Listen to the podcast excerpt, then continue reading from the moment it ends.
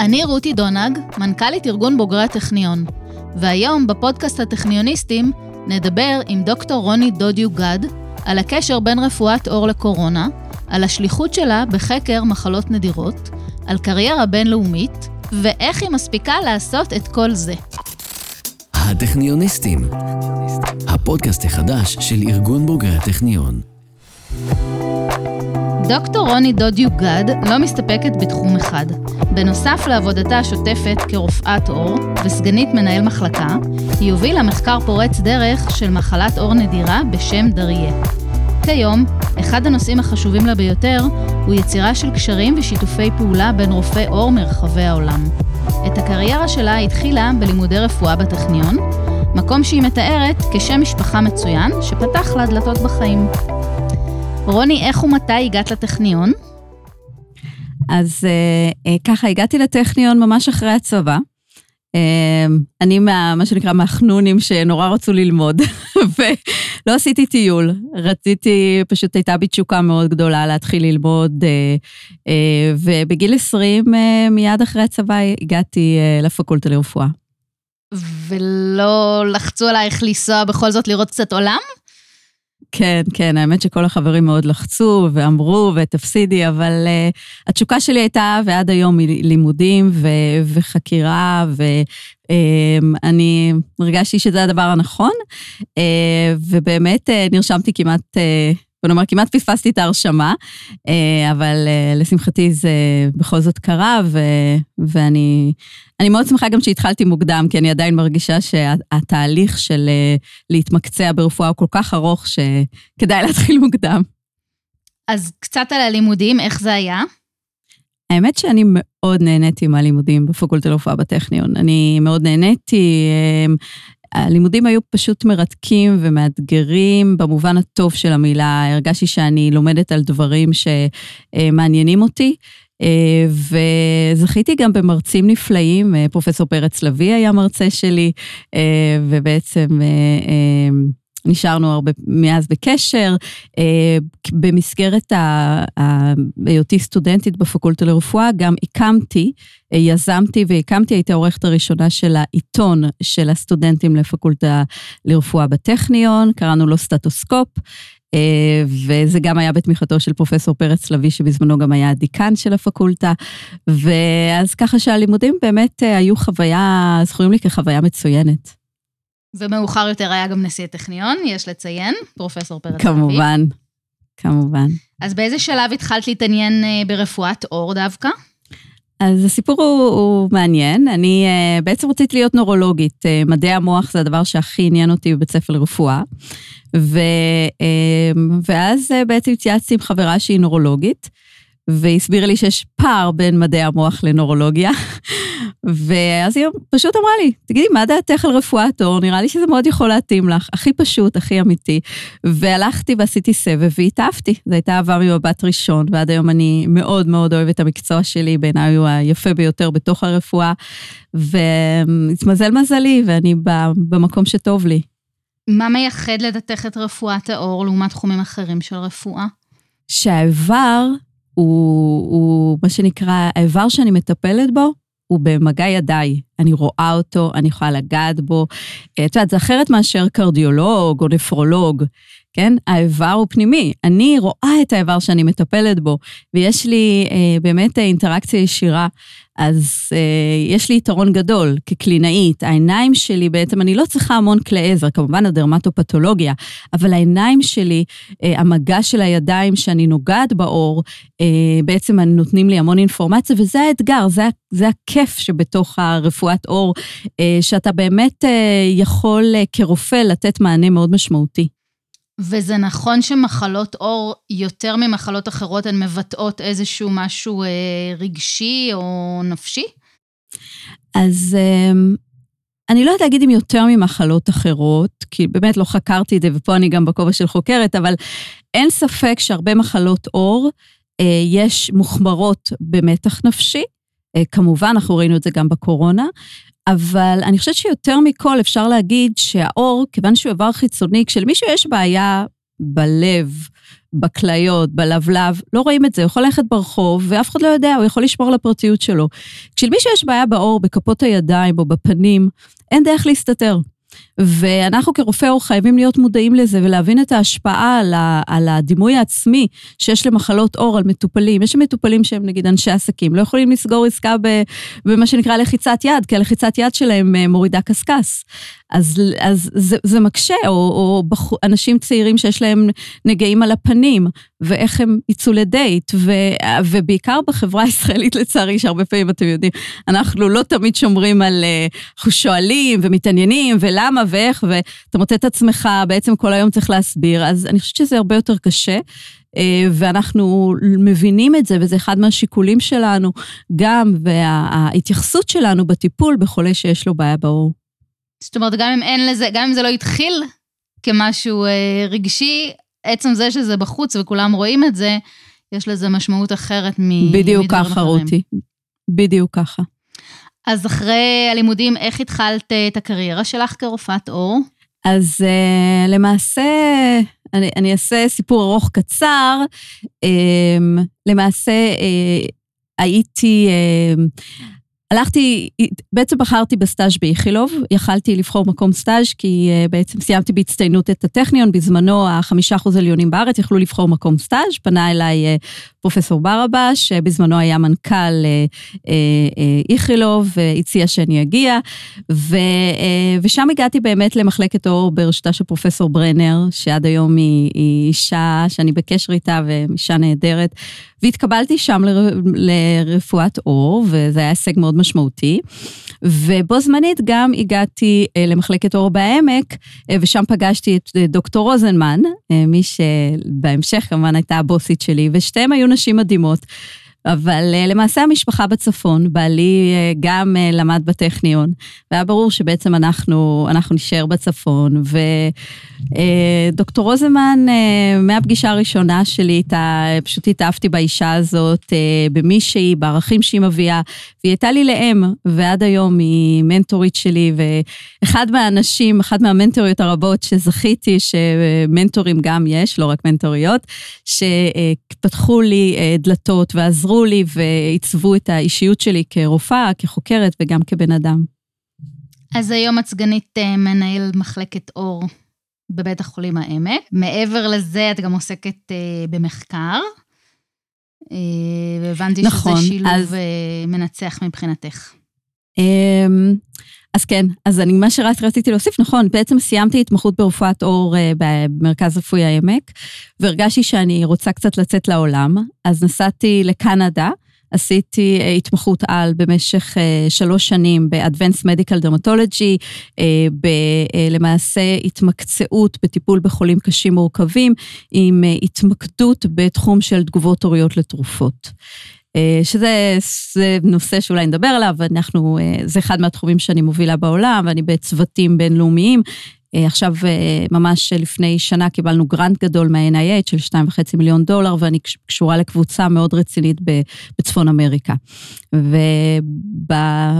אבל חזרה לשאלתך, מחקר למעשה היווה תמיד אה, עניין עבורי עוד מבית ספר לרפואה.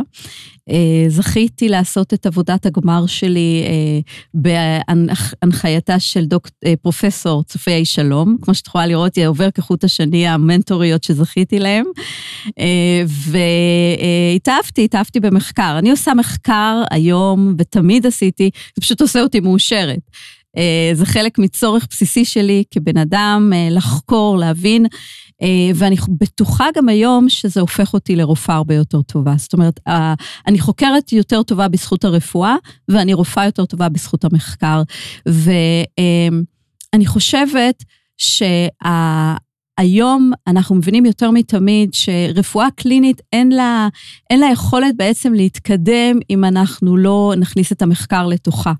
והשאלות שלי הן תמיד שאלות קליניות. איך אני יכולה, למשל, אם נגעת במחלת דריה, רציתי לדעת איך לטפל בחולים יותר טוב, אז התחלתי לחקור ולהבין. זאת אומרת, מבחינתי כרופאה, בסוף בסוף ה basic שלי זה להיות רופאה. ולתת טיפול טוב והכי טוב שאני יכולה לחולים, אבל לפעמים אין תשובות.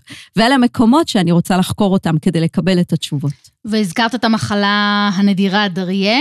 אמ, איך הגעת לחקור את המחלה הזו בכלל? כן, אז זה גם סיפור מעניין. אמ, בשנת 2009, אמ, ממש כרופאה צעירה מומחית, אה, פנתה אליי חולה וביקשה ממני לחקור את המחלה שלה. זאת האמת. היא פשוט אמרה לי, אף אחד לא יודע שום דבר על המחלה. היא ידעה שהיא חולה בזה? כן. הייתה לה הבחנה? כן, כן, הייתה לה הבחנה. היא שנים סבלה מזה בגיל 16. היא, כשפגשתי אותה אז, לדעתי, הייתה כבר בסביבות גיל ה-30 פלוס. ו... והיא פשוט גייסה אותי. גייסה אותי לחקר המחלה. ואני, מ-2009, 2010 קיבלנו את הגרנט הראשון, ויצאנו למסע משותף, החולים ואני, כדי אה, ביחד, יש לנו מטרה משותפת, שהיא למעשה אה, לתת למטופלים טיפולים טובים יותר, אבל בשלב הראשון, קודם כל להבין את המחלה. אנחנו לא הבנו בכלל מה זאת המחלה הזאת.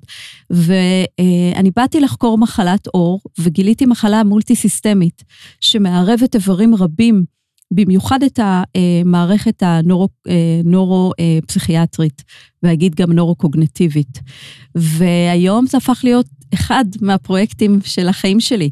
אה, ומבחינתי זו שליחות אמיתית, בלי להישמע יותר מדי בומבסטית, אבל זאת באמת. וזו שליחות שלי ביחד עם החולים. אנחנו במסע משותף, ובזכות השיתוף פעולה שלהם הצלחנו להגיע להישגים מאוד גדולים. אה, בנינו בעצם אה, עשרה מחקרים, תתי מחקרים, שבדקו ביטוי, בוא נאמר, משיתופי פעולה עם מכון ספרא לחקר המוח על קוגניציה ועל מיקרוביום שאנחנו עושים, והגנטיקה, זיהינו 14 novel mutation, ומאמר שעכשיו התפרסם לנו בעיתון המוביל ברפואת עיניים, על עיניים, ואני לא אלאה את הקהל כי אני יכולה לדבר על זה שעות, זה ה baby שלי, אז צריך נורא להיזהר, אבל אה, כי זה באמת, אנחנו למעשה היום מבינים את המחלה, אה, יודעים לטפל יותר טוב, ועכשיו, ממש עכשיו, יצרנו שיתוף פעולה עם אוניברסיטת נורס ווסטרן בשיקגו, ואנחנו נכנסים לבייסיק סייאנס. אז, אה, אז זכיתי שבאמת המח... נבחרתי איכשהו על ידי החולים, ו... אבל זה באמת מסע משותף, והתודות שלי תמיד זה לחולים ולמשפחות שהם משתפים פעולה ואנחנו עובדים ביחד.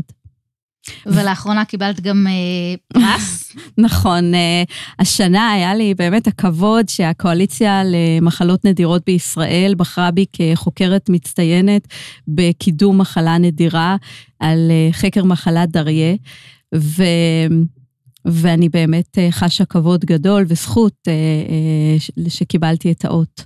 למה בכלל יש קושי בחקר של מחלות נדירות? שאלה מצוינת. Uh, הקושי נובע ממספר אלמנטים. אלמנט אחד שקשה מאוד uh, למצוא חולים. אז אם מחלה נדירה, איך אנחנו בעצם נייצר קוהורט? הקושי השני הוא מימון. בעצם רוב, הרבה מהמחקרים הרפואיים, uh, יש להם רוח גבית מאוד משמעותית מחברות התרופות. אה, ומחלות אה, שכיחות כמו פסוריאזיס, דלקת אורטופית אה, ומחלות כיוצא בזה. כשאת לוקחת מחלה נדירה וחברות התרופות אין להן באמת בנפיט, הם לא ישימו שם את הכסף. עכשיו, צריך להגיד את האמת, המחקר הרפואי הרבה מתקדם בזכות החברות תרופות, המחקר הקליני. כי ברגע שחברות תרופות רוצות לקדם נושא ורוצות להבין, אז הן נותנות גרנטים והן יוצרות תהליכים שמקדמים. כשאת באה לחקור מחלה נדירה, מי הקהל שלך? מי, את פשוט עושה את זה למען החולים, ולא תמיד יש להם אה, בכלל אה, מישהו שופר ש, שיגיד לא את הצרכים שלהם, לא את הקשיים שלהם. אבל אני מסתכלת על זה היום, אחרי המסע ו, ולקראת מסעות אחרים עוד, שאני מקווה שמחכים לי, כהזדמנות אדירה. כי לחקור מחלה נדירה, אתה כחוקר, אתה, הולכת, אתה הולך על קרקע בלתי סלולה. נכון שזה יותר קשה, אבל מצד שני, יש כאן הזדמנות ענקית לגלות דברים שאף אחד לא גילה, ושיש להם ערך משמעותי. ויותר מכך, לפעמים דווקא מחלה נדירה נותנת לך סוג של מיקרוקוסמוס לתהליכים משמעותיים גדולים ברפואה. כלומר, למשל, אם תחשבי אה, על המחלה שאני חוקרת, מחלת דריה, יש לנו את הגנטיקה, אנחנו הצלחנו למפות את הגנטיקה, זיהינו את המוטציות של כל הקוהורט. בגן הידוע. עכשיו, היום אנחנו יודעים את הקליניקה, כי מיפינו את הקליניקה לעומקה, באמת, ברבדים מאוד מאוד מאוד מעמיקים. אז היום אנחנו במטרה לפצח את ה-genetic phenotypic correlation, ויש לכך משמעות הרבה מעבר לדריה. אם אנחנו נדע למה לחולים יש הפרעות פסיכיאטריות ב-50 אחוז, אז יכול להיות שמחקר של מחלה נדירה יהיה בעצם פריצת דרך משמעותית להבנת גנטיקה של הפרעות אה, אה, רגשיות, של הפרעות פסיכיאטריות. זה החזון שלי. לכן אני אומרת לכולם, קודם כל, אל תלכו בדרך שכולם הולכים. זה הרבה יותר, מעד... הרבה, אני אומרת, זה משעמם ללכת איפה שכולם הולכים. זה הרבה יותר מעניין ומסקרן ומאתגר ללכת בדרך שלא הולכים בה. וההזדמנות שלכם למצוא אה, אה, אה, תגליות ולעזור ולשפר ולשנות, היא הרבה יותר גדולה. אה, רציתי לשאול אותך לגבי הפעילות שלך בזמן הקורונה ולגבי ביטויים אה, הוריים במחלת קורונה, שאני מבינה שזה משהו שעסקת בו מן נכון. הסתם בשנה האחרונה רבות. נכון. אז, אה, אז, אז אני, ברשותך רותי אגיד, דקה לפני הקורונה, אני אספר מה בעצם, איך הגעתי לקורונה. הגעתי לקורונה אחרי שבאמת עשיתי פלושיפ בחו"ל. ה fellowship שלי היה מאוד international, פגשתי אנשים מכל העולם, רופאים מכל העולם, והבנתי שבעצם יש לנו המון במשותף. זאת אומרת, אני מדברת עם רופאים מערב הסעודית, מאיר, מאירלנד, מרחבי אירופה בכלל, וארצות הברית ו- ודרום אמריקה, והרבה פעמים יש לי המון המון עניין, כי אנחנו חולקים את אותה תשוקה למקצוע, וספציפית במקצוע, לפעמים ממש לאותן מחלות. ואז הבנתי את הכוח של זה. זה כוח של עניין משותף שהוא הרבה מעבר לגבולות, ה, אני אגיד את זה, הגבולות של איזה מוצא אתה וכיוצא בזה. וככה חזרתי לארץ, נשארתי כ-research fellow, היום אני למעשה... אה, אה, חברת סגל באוניברסיטת טורונטו, בזכות ההמשך המחקר שהמשכתי אותו וכצוותי המחקר שהמשכתי לנהל, גם כשחזרתי לארץ, ואני נוסעת כל קיץ לעבוד שם. ובעצם ההבנה הזאת, היא זאת שגרמה לי שממש לפני אה, שנתיים להקים אה, אה, למעשה קורס בינלאומי, שנקרא International Telehealth Rounds in Dermatology, שהמטרה שלו זה Free International Knowledge Transfer in Dermatology. כלומר, המטרה היא בעצם להנגיש את הידע בדרמטולוגיה לכל רופא כמובן לרופא עור אה, בפרט, אבל לכל רופא בכלל. ולמעשה אני עושה את זה תחת הכובע, תחת המטריה של ארגון סייסופו, זה Canada International Scientific Exchange Program, שהמנכ"לית שלו היא גם קשורה לטכניון, היא גם למדה בטכניון. סיפור מאוד ארוך שפגשתי אותה בטורונטו, אה, דוקטור שונה נובק. עכשיו, בזכות הקורס הזה, שבעצם הצלחנו להביא רופאים מכל העולם להתחבר לזום עוד לפני הקורונה. היינו כבר, בש... סיימנו שנה של קורס מוצלח, שזה היה פשוט מדהים. אני הייתי מתחברת מהבית שלי בחיפה, והיו עולים אנשים מיפן, מאוסטרליה, מירדן, מ... אה, מהשטחים, מ... אה, אה, כמובן מקנדה וצפון אמריקה. היה לנו אנשים שהגיעו מברזיל, באמת מקומות שאפריקה. ופתאום אמרתי, כמה מדהים שאנחנו כולנו מתחברים, כי מה שמחבר בינינו זה התשוקה לנושא שאותו אנחנו עוסקים בו, וזה במקרה שלי הדרמטולוגיה. וככה הגעתי לקורונה עם הניסיון הזה של שנה מאוד מוצלחת. כשהקורונה התחילה קרו שני דברים משמעותיים אה, ברמת ההשפעה עליי. אחד אה, זה שקראתי רבות את פרופסור יובל נוח הררי, שהיה מאוד, אה, מה שנקרא, פעיל בהפצת הדעות שלו ממש עם פרוץ המגפה.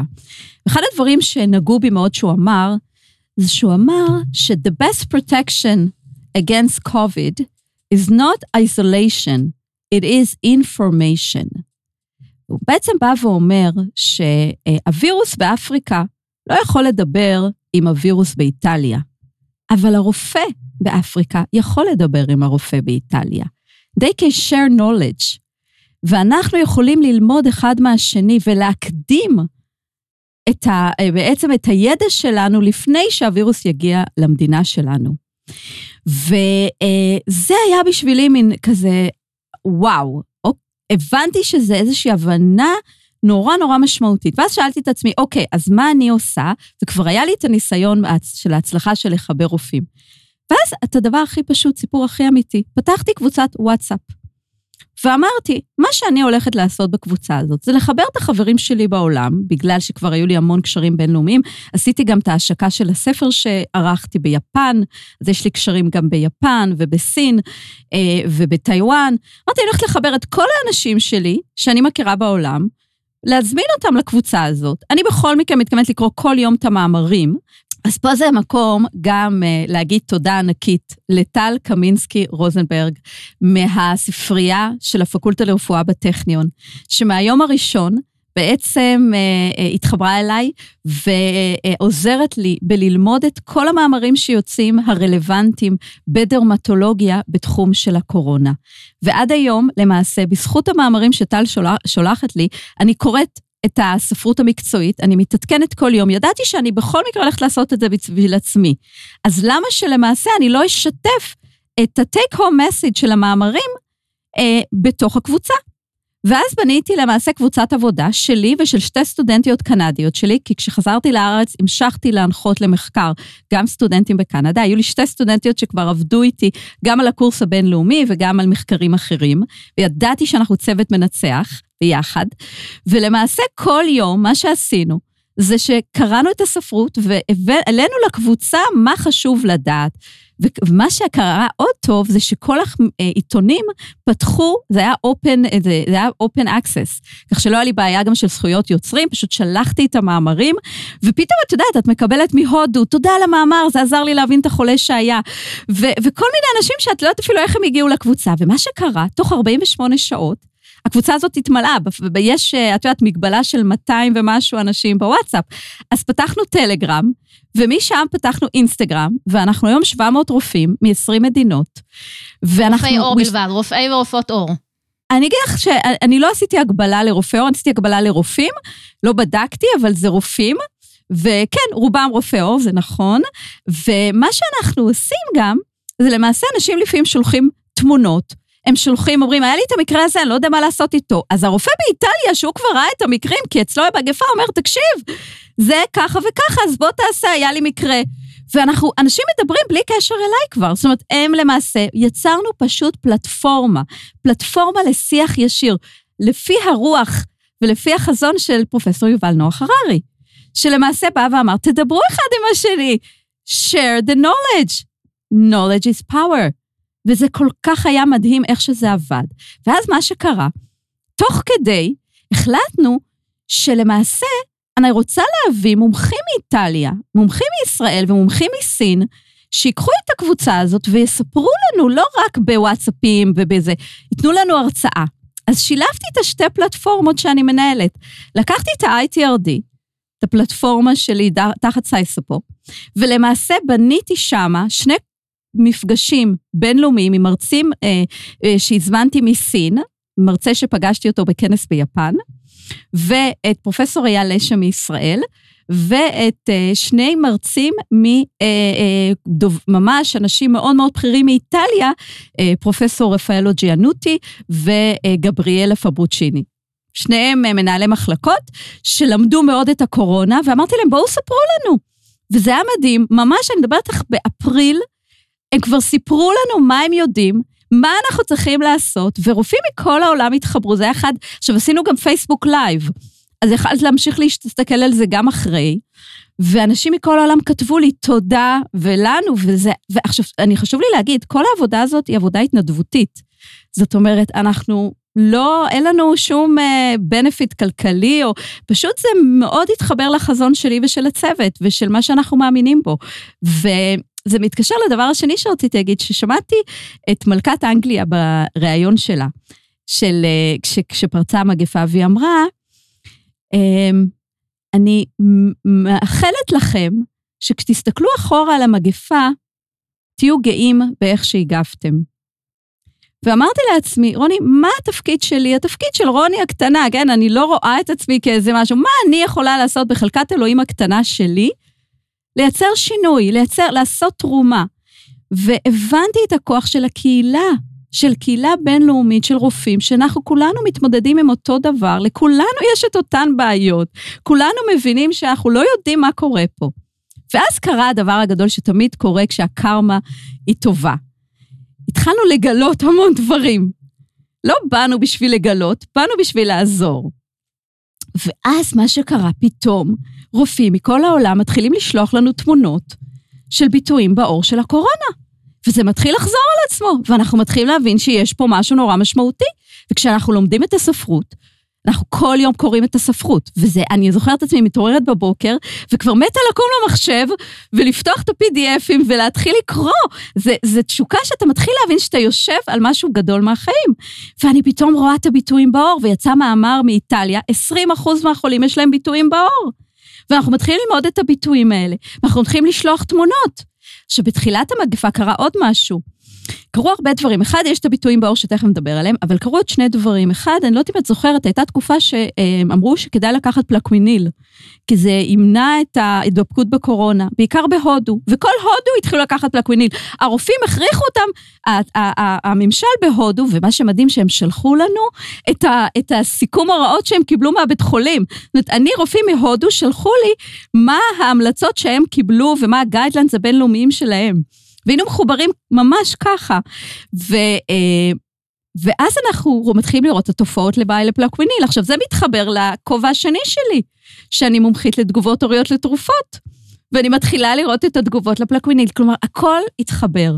וזה היה באמת מאוד מאוד, בתוך המגפה המאוד לא פשוטה הזאת, אה, אנחנו מצאנו מה התפקיד שלנו. והבנו מה אנחנו יכולים לתרום, וזו הייתה תחושה מאוד טובה אה, שיש משהו שאפשר לעשות. ובסופו של דבר כתבנו חמישה מאמרים בשלושה חודשים, בזכות שיתופי פעולה עם רופאים מאיטליה ורופאים מקנדה ורופאים מישראל, איחדנו כוחות, ולמעשה אה, הצלחנו לייצר, היום אה, פרופסור אייל לשם, שהוא חבר טוב, הוא, הוא כתב איתי את אחד המאמרים אה, בתחום של הביטויים, הוא כמובן אה, זיהומולוג מתל השומר, אה, מומחה למחלות זיהומיות.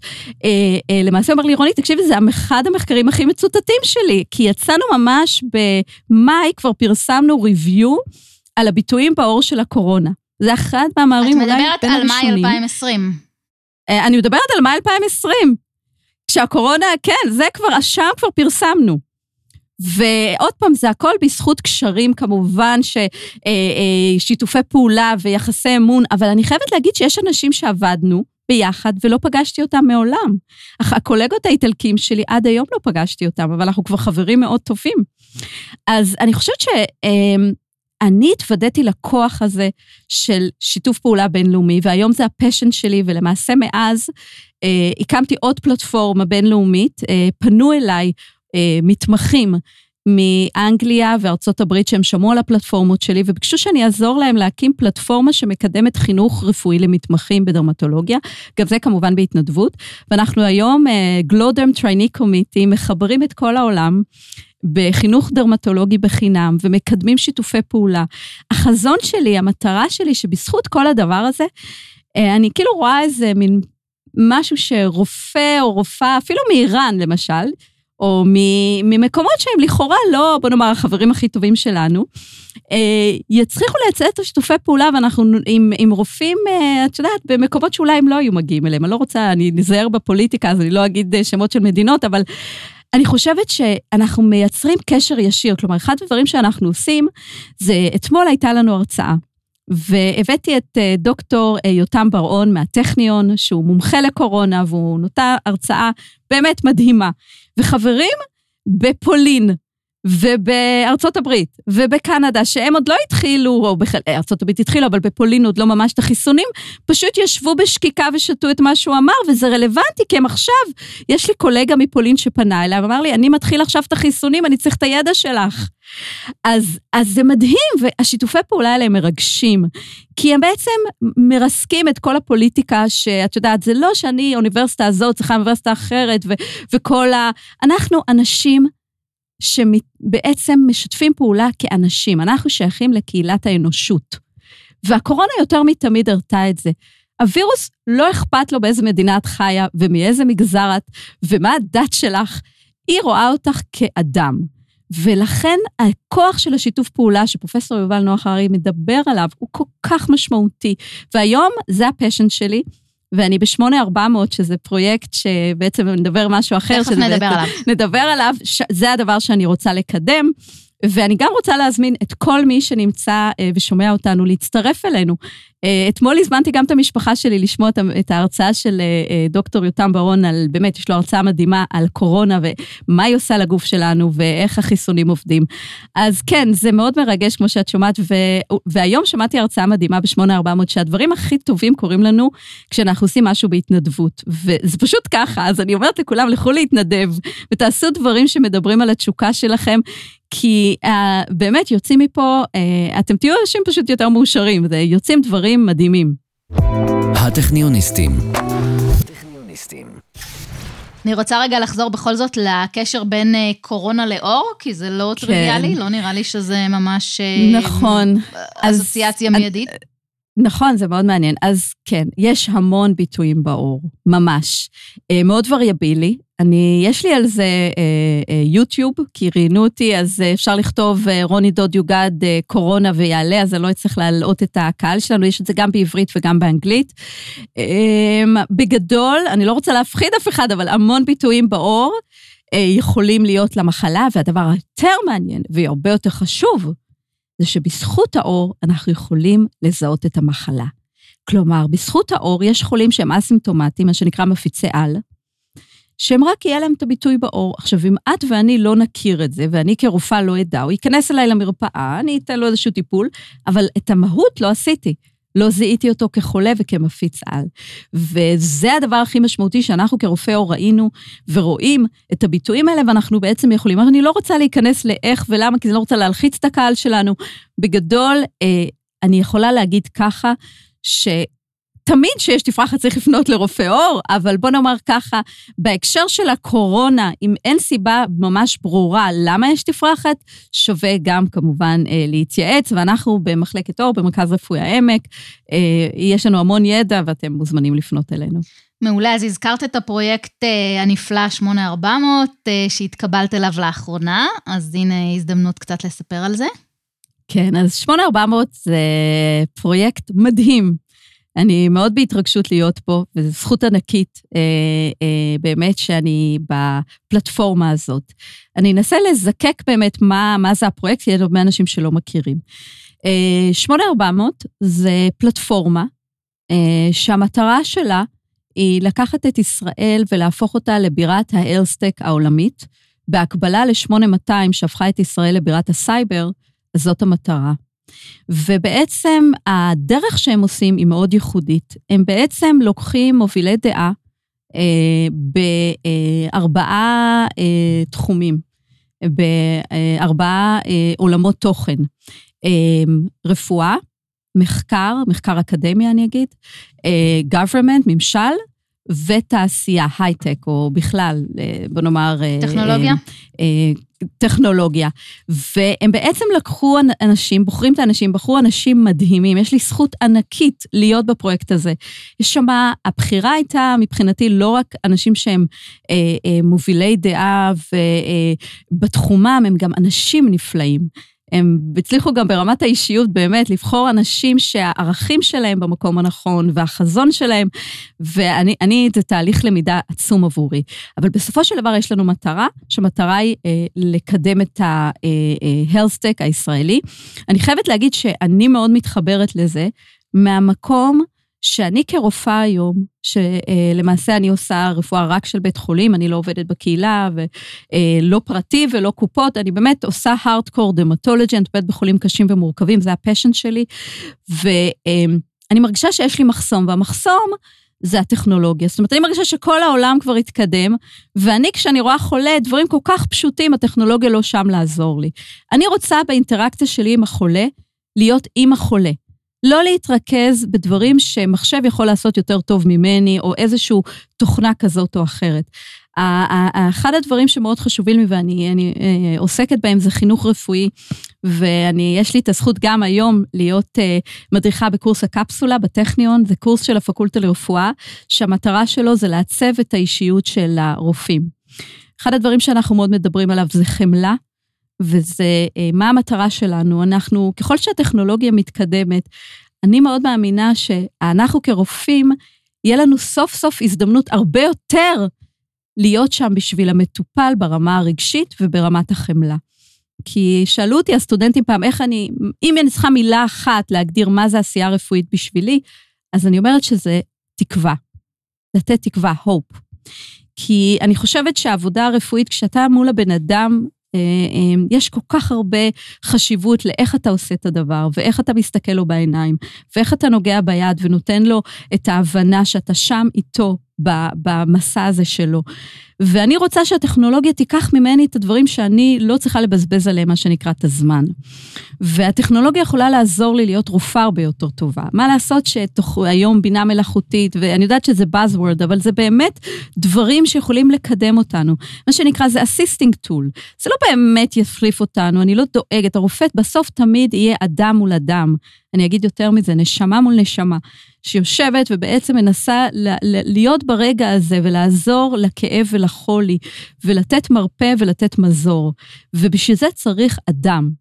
אבל המכונה, הטכנולוגיה יכולה לעזור לי, היא יכולה לתת לי המון אינפורמציה בצורה הרבה יותר טובה, שאני בסופו של דבר אעשה לה processing.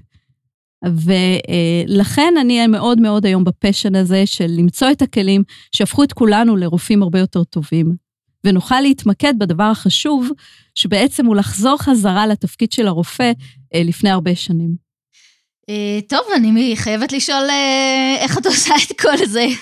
פשוט שאלה בלתי נמנעת. אז רותי, תודה על השאלה. ובואו נדבר על הפיל שבחדר. ואי אפשר להימנע מזה. שאני אישה, ואני אימא, ויש לי שני ילדים מקסימים.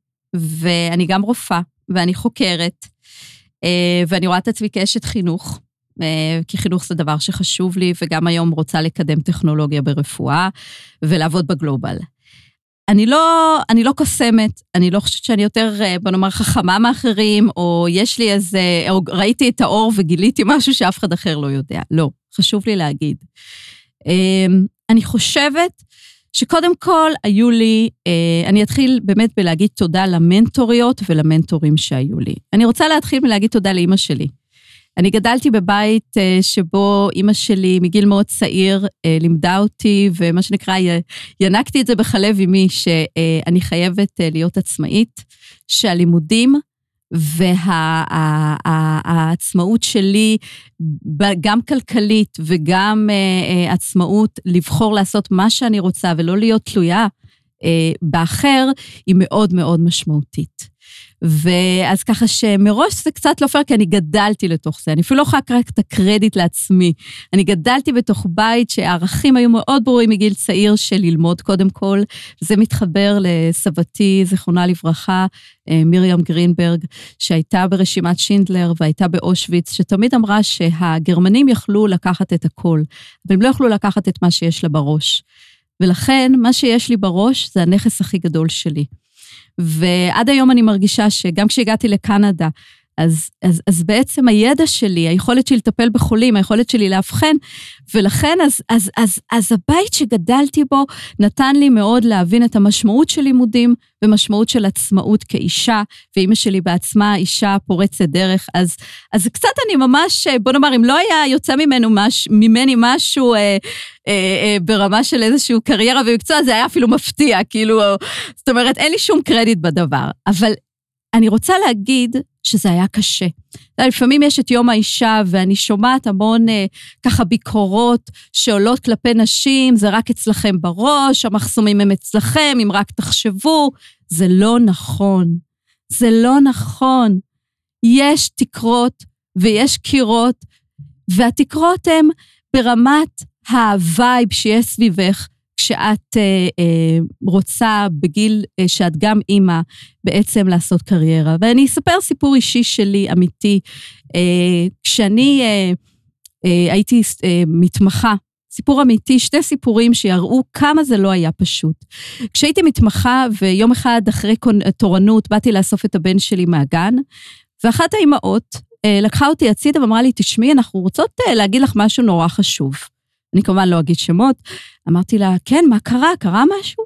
אז אמרו לי, תראי, אנחנו רואות שאת לא מספיק משקיעה בבן שלך, ואת כל הזמן בבית חולים, או שאת לפני תורנות, או שאת אחרי תורנות, ורק שתדעי שהתקופה הזאת לעולם לא תחזור, הוא לא יהיה עוד פעם ילד. ואני זוכרת את הכאב המנפץ הזה שהרגשתי בלב. ואת, ואז המשיכה ועוד אמרה, כן, את יודעת, כולנו צריכות לקחת עזרה, גם אני, אה, במכולת שיש לי, אני לוקחת עזרה כדי שאני אוכל להיות עם הילד שלי. ו, וזה מתקשר לעוד אה, אה, משפט שנאמר לי, שכשהבן שלי גדל והייתי מתמחה, אה, הייתה לו אסתמה. והיה לי הרבה פעמים שפשוט הייתי מביאה מטפלת בבוקר להיות איתו, כי אם הייתי את כל הפעמים שהוא היה נשאר בבית בגלל התקף, אה, נשאר בבית, אז לא היה לי התמחות. ויצא באיזו שיחה שאנשים שמכירים אותי, אמרתי להם שכן, יש לי מטפלת שבאה כשהוא חולה, ויש לי גם עזרה אחרי צהריים. אז uh, מישהו ברוב uh, טוב ליבו אמר לי, אז תשלחי את הילד שלך לאימוץ כבר, בכל מקרה את לא רואה אותו. ואלה משפטים שכשהייתי במעלה ההר, הם צרבו בי. את, המסר שאת מקבלת הוא מאוד קשה. ואני רוצה להגיד את זה. אני רוצה להגיד את זה כי מי שנמצאת שם עכשיו ושומעת אותי, אני רוצה להגיד לה אבל שהסוף הוא טוב. אל תקשיבי לקולות האלה. יש לי קשרים נהדרים עם הילדים שלי. ביום שיכולתי להפסיק לעשות תורנויות, אז בחרתי למשל לא לעבוד אחרי צהריים. ואני עם הילדים שלי, אז נכון שאני עושה מחקר ואני יושבת על המחשב, אבל הם יודעים שאני בבית. הם יודעים שבשביל כסף אני לא אעשה את הדבר הזה, אני לא אאבד את הזמן שיש לי איתם, ואלה הבחירות שלי. אבל במעלה ההר לא הייתה לי ברירה. הייתי צריכה לעשות את התורנויות, הייתי צריכה ללמוד למבחנים ולפעמים שעות וימים לא לראות אותם. אבל אני רוצה לחזק אתכם, כי כשהערכים במקום הנכון, והמטרה היא מטרה טובה, וזה לא שאתה לא רואה אותם למטרה, בוא נאמר שהיא אה, אה, בשביל לראות מישהו אחר במקומם, אה, בשביל הכיף, אז הכל מסתדר, והילדים שלי היום גאים בי. וחשוב לי גם לתת קרדיט אה, לבעלי ולמשפחה. אה, כל זה לא היה קורה בזכות בן זוג מאוד תומך, צריך לקרוא לילד בשמו. הבן זוג שלי מאוד תומך, והוא תמיד תמך בי, אה, וזה בהחלט, אה, תבחרו לכם בני זוג תומכים, זה אחד העצות שלי לנשים, בהחלט, בהחלט, זה חשוב מאוד. הוא בעצמו דוקטור לפיזיקה, והיו תקופות מאוד לא פשוטות, שגם הוא עשה לימודים ומאסטר ודוקטורט, והוא גם עבד תוך כדי כדי להרוויח, ואני עשיתי תורנויות, ואני היה לי שלב א' ושלב ב', ותקופות קשות, חשוב לי להגיד, זה קשה, ויש רגעים שאתה אומר, כל העולם משחק, כל העולם בכיף, הם נוסעים, טיולים, מסיבות, ואנחנו נלחמים על החיים. אבל בסוף זה שווה את זה. כי הרפואה היא מקצוע מדהים. הדרך היא הרבה יותר ארוכה, נכון, אבל זה שווה את זה, כי אני יוצאת מאושרת כל יום לעבודה. אני יודעת שאני עוסקת בדבר שגם עושה אותי יותר מאושרת, ובמיוחד נותן לי לעזור לאנשים, לתת מזור לכאב ומרפא לחולי, ואיזה דבר יותר טוב אפשר לעשות בעולם הזה. ולכן אני מחזקת אתכם, וזה לא רק בראש שלכם, הסביבה נותנת לנו הד לא פשוט. אבל תתעלמו ממנו, תמשיכו בדרך שלכם, כי זה שווה את זה, והיום, תודה לאל, יש לי חיי משפחה טובים, ויש לי קשר טוב עם הילדים שלי, וכשיכולתי לעשות את הברקס, עשיתי אותו ונתתי להם, ו, אה, וזהו, ופשוט חשוב לי לחזק את האנשים שם בחוץ. מעולה, תודה רבה. אני לא בטוחה שקיבלנו תשובה לשאלה איך את עושה את זה, אבל קיבלנו פה כמה טיפים אה, מצוינים. איך שאני עושה את זה עוד זה שני דברים. אחד, אני מתמקדת. אני מאוד מתמקדת במה אני עושה ומה אני לא עושה. אני למדתי להגיד לא להרבה דברים. אני לא עושה רפואת uh, קהילה, אני לא מרוויחה הרבה כסף, אבל אני עושה הרבה דברים שמעניינים אותי, וזה בסדר, ואני uh, מאוד שלמה עם זה. ועוד דבר, outsourcing, בנות, outsourcing. סבתא שלי, זיכרונה לברכה, אמרה לי משהו מאוד חכם כשהייתי בת 14, היא כבר הבינה עם יש לה עסק. היא אמרה לי, רוני, זה לא משנה למגבת מי מקפל אותה. אבל זה נורא משנה לילד שלך מי מקריא לו את הסיפור לפני השינה. וזה המוטו שלי. אני לא יודעת איך מפעילים את המכונת כלים אצלי בבית. זה המוטו. כל הכבוד לסבתא. הטכנוניסטים. עצות לסטודנטית המתחילה או לסטודנט. אה, טוב, רוני, אה, עוד עצה לסטודנט או לסטודנטית אה, המתחילים?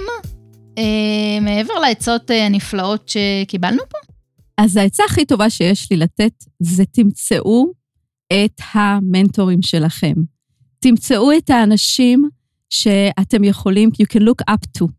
ואל תתביישו לגשת אליהם. יש משפט של אייזיק ניוטון שאומר, אם הרחקתי לראות, היה זה משום שעמדתי על כתפיהם של ענקים. ואני באמת זכיתי בענק, במנטורים, גם גברים וגם נשים, שפתחו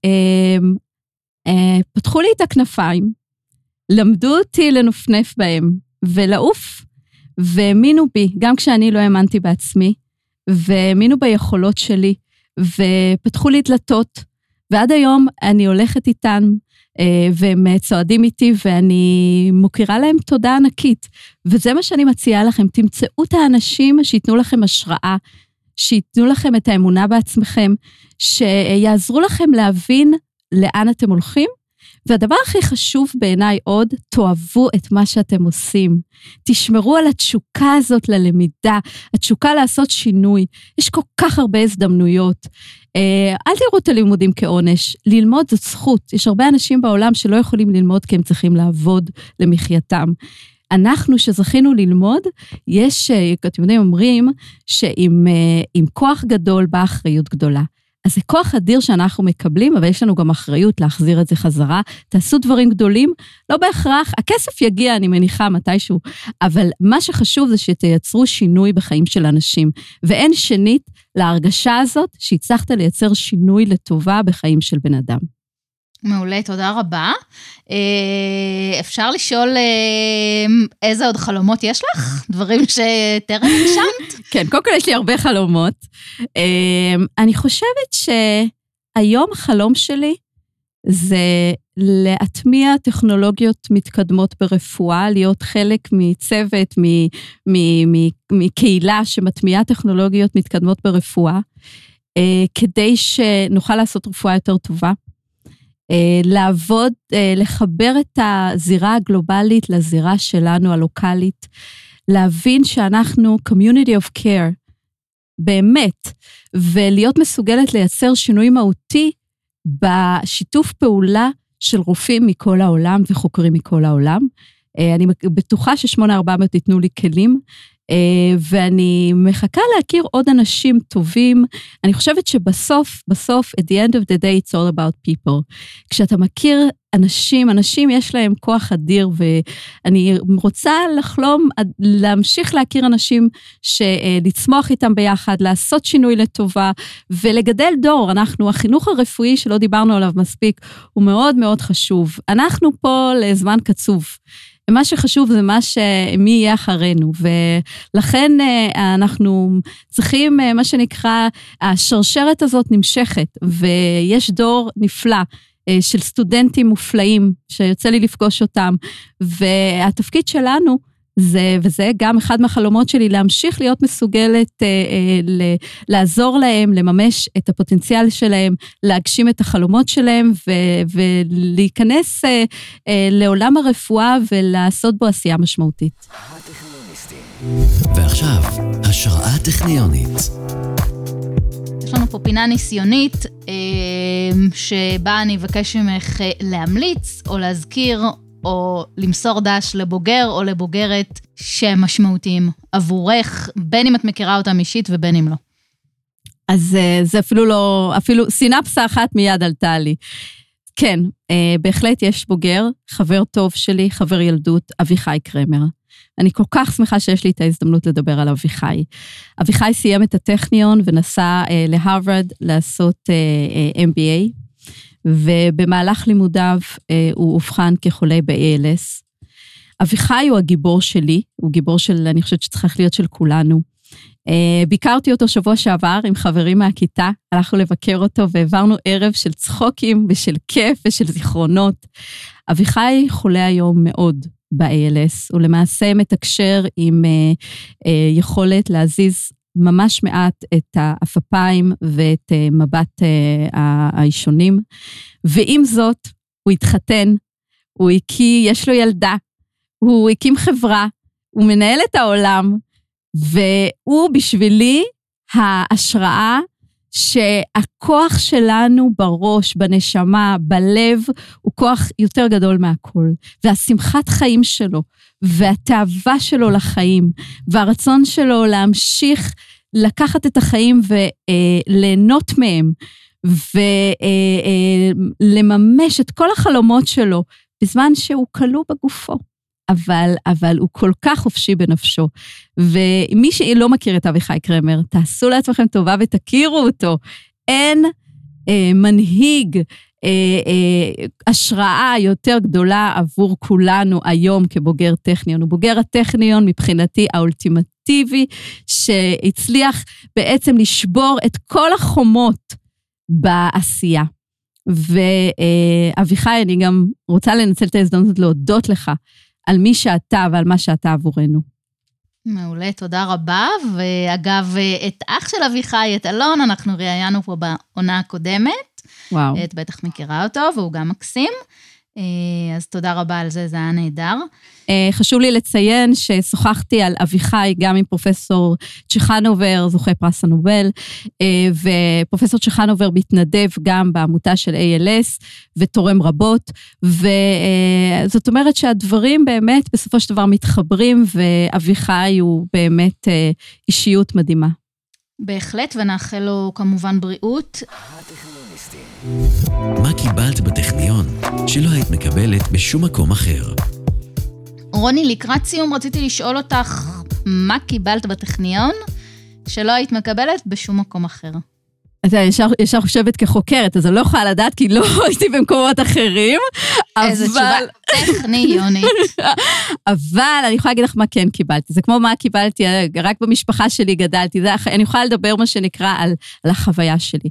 אני בטכניון קיבלתי, אה, קודם כל, אה, לימודים מעולים. לימודים שהכינו אותי לחיים כרופאה בצורה מצוינת. זכיתי להכיר רופאים שהם היו לי להשראה. זכיתי אה, להבין את המשמעות של מחקר בעשייה הרפואית, והטכניון אה, גם פתח לי דלתות בקנדה. כשאני אה, אומרת שאני בוגרת הטכניון, אה, בכל הזדמנות שיצא לי להרצות בקנדה, זה תמיד, אה, כמו שאמרת, סוג של שם משפחה. אני גאה להיות בוגרת הטכניון, אני גאה להיות חברת סגל בטכניון, ואני גאה שלמעשה הטכניון היום מוביל בעולם, ואני חושבת שה... הערכים שעליו הטכניון מתבסס, אה, אה, של אה, טכנולוגיה ושל מדע ושילוב ברפואה, הם יותר רלוונטיים מתמיד היום בתקופה שלנו. מעולה, תודה רבה רוני. היה לנו לעונג. תודה רבה רותי, ממש נהניתי ותודה על ההזמנה. ותודה לכן ולכם על ההאזנה. אנחנו הטכניוניסטים, הפודקאסט של ארגון בוגרי הטכניון. תוכלו למצוא אותנו ביישומוני הסטרימינג וההסכתים, ספוטיפיי, גוגל, אפל, דיזר ועוד. שם אפשר להאזין לכל הפרקים, ולהירשם לקבל עדכונים על פרקים חדשים. אם יש לכם סיפור מעניין ותרצו להתארח בפודקאסט שלנו, או שיש בוגר או בוגרת שתשמחו אם נראיין, צרו איתנו קשר דרך האתר של ארגון בוגרי הטכניון. אני רותי דונג, להתראות. הטכניוניסטים, הפודקאסט החדש של ארגון בוגרי הטכניון. הטכניוניסטים זמין להאזנה בספוטיפיי, דיזר, אפל פודקאסט, גוגל פודקאסט ובאתר ארגון בוגרי הטכניון. הטכניוניסטים